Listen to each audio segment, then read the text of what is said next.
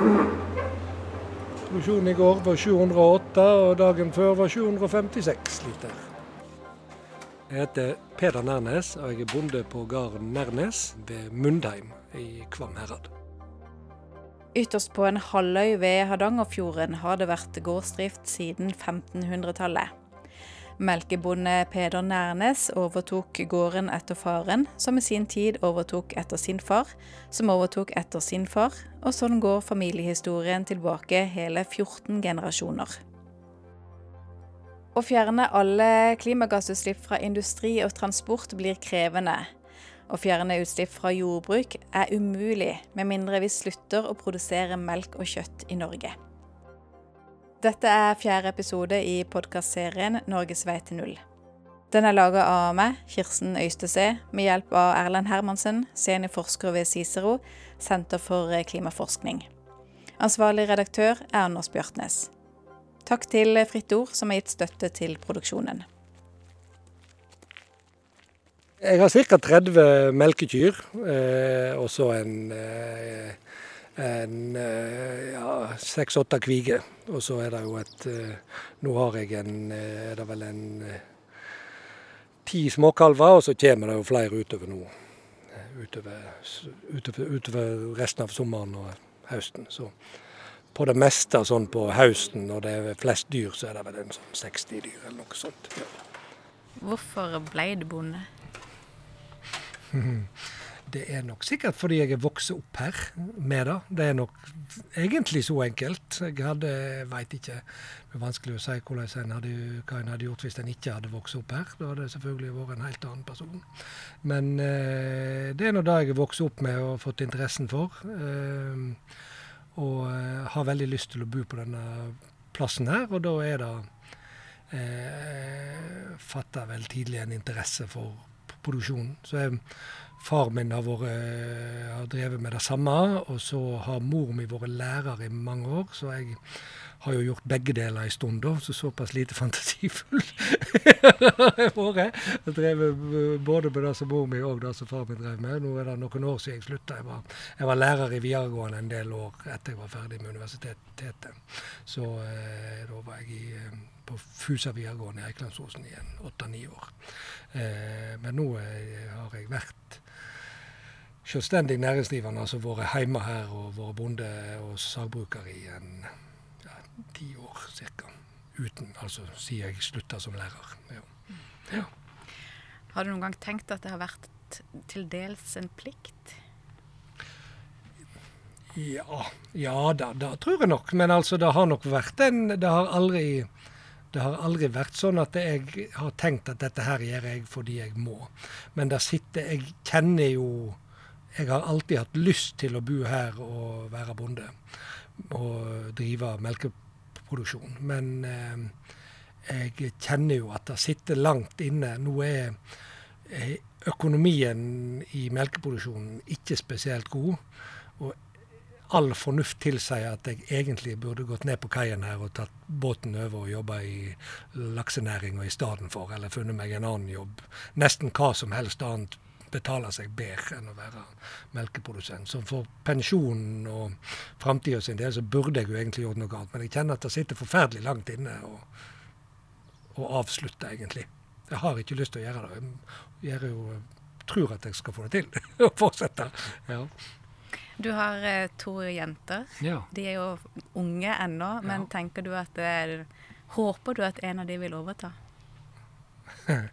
jeg eh, håper at en av de har lyst til å bo her og drive med et eller annet. Men om de har seg en hva de lever av, det er jo akkurat det samme for meg. Det er, det jeg, har ikke noe, jeg har ikke noe tenkt å legge noen slags føringer på at de bør drive med melkeproduksjon eller storfe eller noe som helst. Da må de virkelig bare finne ut av sjøl. De er jo altså de er sju og ti år og har vel mest lyst til å bli YouTube-stjerne. så det er, eh, Men de sier absolutt at det altså enn så lenge at de har lyst til å bo her. Men hvem har ikke lyst til å bo med foreldrene sine når de er sju og ti år? Ja. Her ute står jo kalvehyttene. Så dette her er ikke bare et litt rart lager. Hvis vi går på andre sida, så ser du at det bor noen inni her. Over kalvehyttene har Peder solcellepanel på fjøstaket. Traktoren som går på diesel, kan bli elektrisk. Men så lenge Peder produserer melk og kjøtt, blir gårdsdriften aldri utslippsfri. Jordbrukets klimaproblem er ikke kull, olje og gass, men den metanholdige tarmgassen fra husdyra.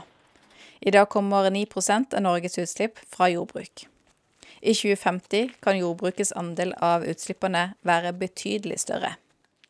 Hvis forhåpentligvis Norge klarer det de har, har sett seg foran med å bli netto null, så vil jo landbruket sitte med en betraktelig større andel av utslippene. Fordi at eh, så sant en, en skal fortsette med, eh, med en, eh, en animalsk produksjon på noe slags omfang, så har en biologisk utslipp. En har jo òg biologisk utslipp fra planteproduksjon, selvfølgelig, men, men, skal en gjøre det, så, så vil en landbruket sitte med, med, en betydelig del av utslippene til Norge om 2050. For det, det selv om en kan gjøre en kan gjøre mange grep, og en skal gjøre mange grep for å redusere utslippene, så kan jeg ikke redusere utslippene fra gyro til null. Jeg kan bytte ut eh, Jeg kan kanskje få nullutslipp på traktoren, og firmabilen kan bli elektrisk og få nullutslipp. Iallfall her på bruket. Eh, men gyro kan ikke gå til null. Så da er det, er det et reelt utslipp der som må være så lavt som mulig, men eh, en må ha aksept for, og det tror jeg har, absolutt har aksept for òg, at det da utslippet kommer til å være det. Men er, er det en, oppleves det som en trussel å drive med kjøtt- og melkeproduksjon når det er så mye snakk om at man må kutte i alle sektorer? Eh, ja. Ja. Eh, jeg tror at veldig mange bønder kjenner på en stor frustrasjon på hvordan debatten har utvikla seg. Eh, og en frykt for at, at det er det er så tilforlatelig enkelt for politikere å, å kutte i landbruksproduksjonen. Altså, jeg tror ikke det er så mange som kommer til å gjøre det. Men det er, det er så lett å si da. For det, går ikke utover den store melkekua i overført betydning i Nordsjøen eller i eller, altså det, det er eh, Og så har en liksom En har utslipp i landbruket som ikke er så lett å kutte uten å kutte i produksjonen. Sant? Og Det er òg derfor en, en, en um, har eh, eh, prøvd å få Eller fikk var, var, så Det ble jo gjort en kjempegod jobb og fikk, fikk, fikk på plass denne klimaavtalen eh, som jordbruket gjorde med Solberg-regjeringa, om, om, at vi, vi sjøl skal kunne ta ansvar for hvordan vi skal nå klimakutt innen 2030. Da. Eh, og, og der der vi sjøl har ansvar for hvordan skal oppnå disse målene. Eh, fordi at det er der målsetningen er at vi skal klare å kutte uten å kutte, behøve å kutte i produksjonen som et klimatiltak. Selv om eh, kua aldri blir utslippsfri, finnes det noen løsninger. Bedre fôr eller eh, såkalte metanhemmere kan redusere tarmproduksjonen i magen til kua god dyrehelse som gjør at kua lever lengre og produserer mer, gir lavere utslipp per liter melk og per kilo kjøtt. Peder forventer at eh, melkeprodusentene og kjøttprodusentene vil få strengere klimakrav. Der må de kunne dokumentere at deres melk og kjøtt har like lave eller lavere utslipp enn konkurrentene. En ser jo veldig tydelig at det da kommer til å bli stilt krav i verdikjeden fra kunder, altså fra sluttbrukere fra dagligvarekjeder osv. Og, og det eh, kommer til å komme merkeordninger på klima eh, som en må ha data av høy nok kvalitet til å oppfylle, rett og slett for å kunne bruke. Hvis vi ikke har det systemet, så kommer vi til å komme der at vi blir utkonkurrert av importerte varer som har den klimamerkinga. Alle land i verden er ansvarlige for sine territorielle utslipp.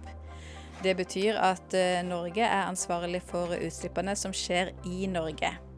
Det er gode grunner til at det er sånn, men det betyr også at hvis vi gjør ukloke valg i klimaarbeidet, så kan vi ende opp med å flytte utslipp og ikke kutte utslipp.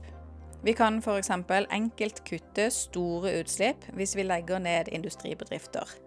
Men da forsvinner også arbeidsplasser, og industriproduksjonen og utslippene kan poppe opp et annet sted i verden.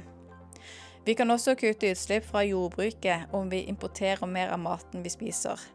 Men da blir vi mindre selvforsynt, og hvis vi bare produserer mindre kjøtt uten å spise mindre kjøtt, så har det ikke nødvendigvis en god global klimaeffekt. Erlend Hermansen, seniorforsker ved Cicero. Så lenge vi produserer kjøtt og melk i Norge, så vil vi ha utslipp fra jordbruket. Men hvis vi skal kutte utslippene fra jordbruket i Norge så mye som mulig, hva må vi gjøre? Ja, altså, du, igjen der er du tilbake igjen litt til hva, hva, du kan på en måte gjøre teknologisk, og hva, du, hva vi kan gjøre på atferd. ikke sant? Så eh, biogassanlegg eh, er en mulighet. Eh, få ned matsvinnet, sånn at vi må produsere mindre mat. Avl er noe som bondeorganisasjonen er opptatt av. Å Få fram utskips, mindre utslippsintensive dyr.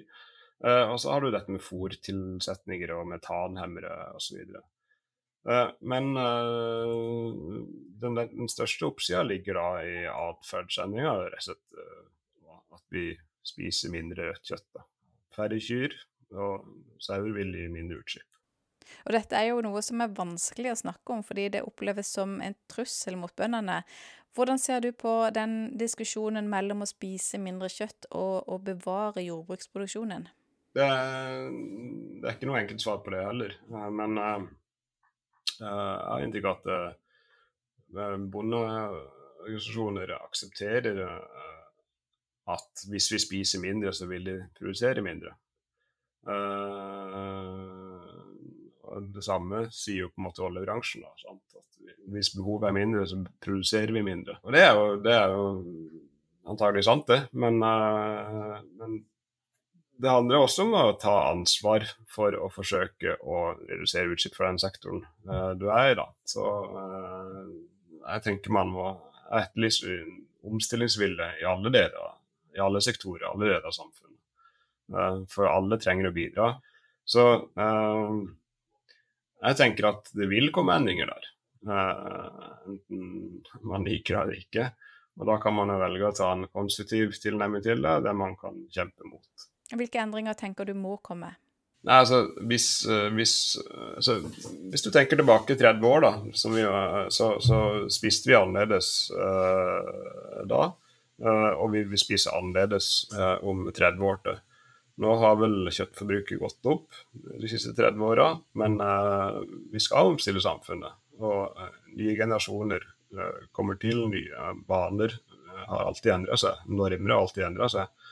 Så, så uh, jeg er helt overbevist om at uh, vi kommer til å spise annerledes om 30 år. Uh, akkurat hvordan det blir, det, det, det vil bare tiden vise. Er dette vanskelig for folk?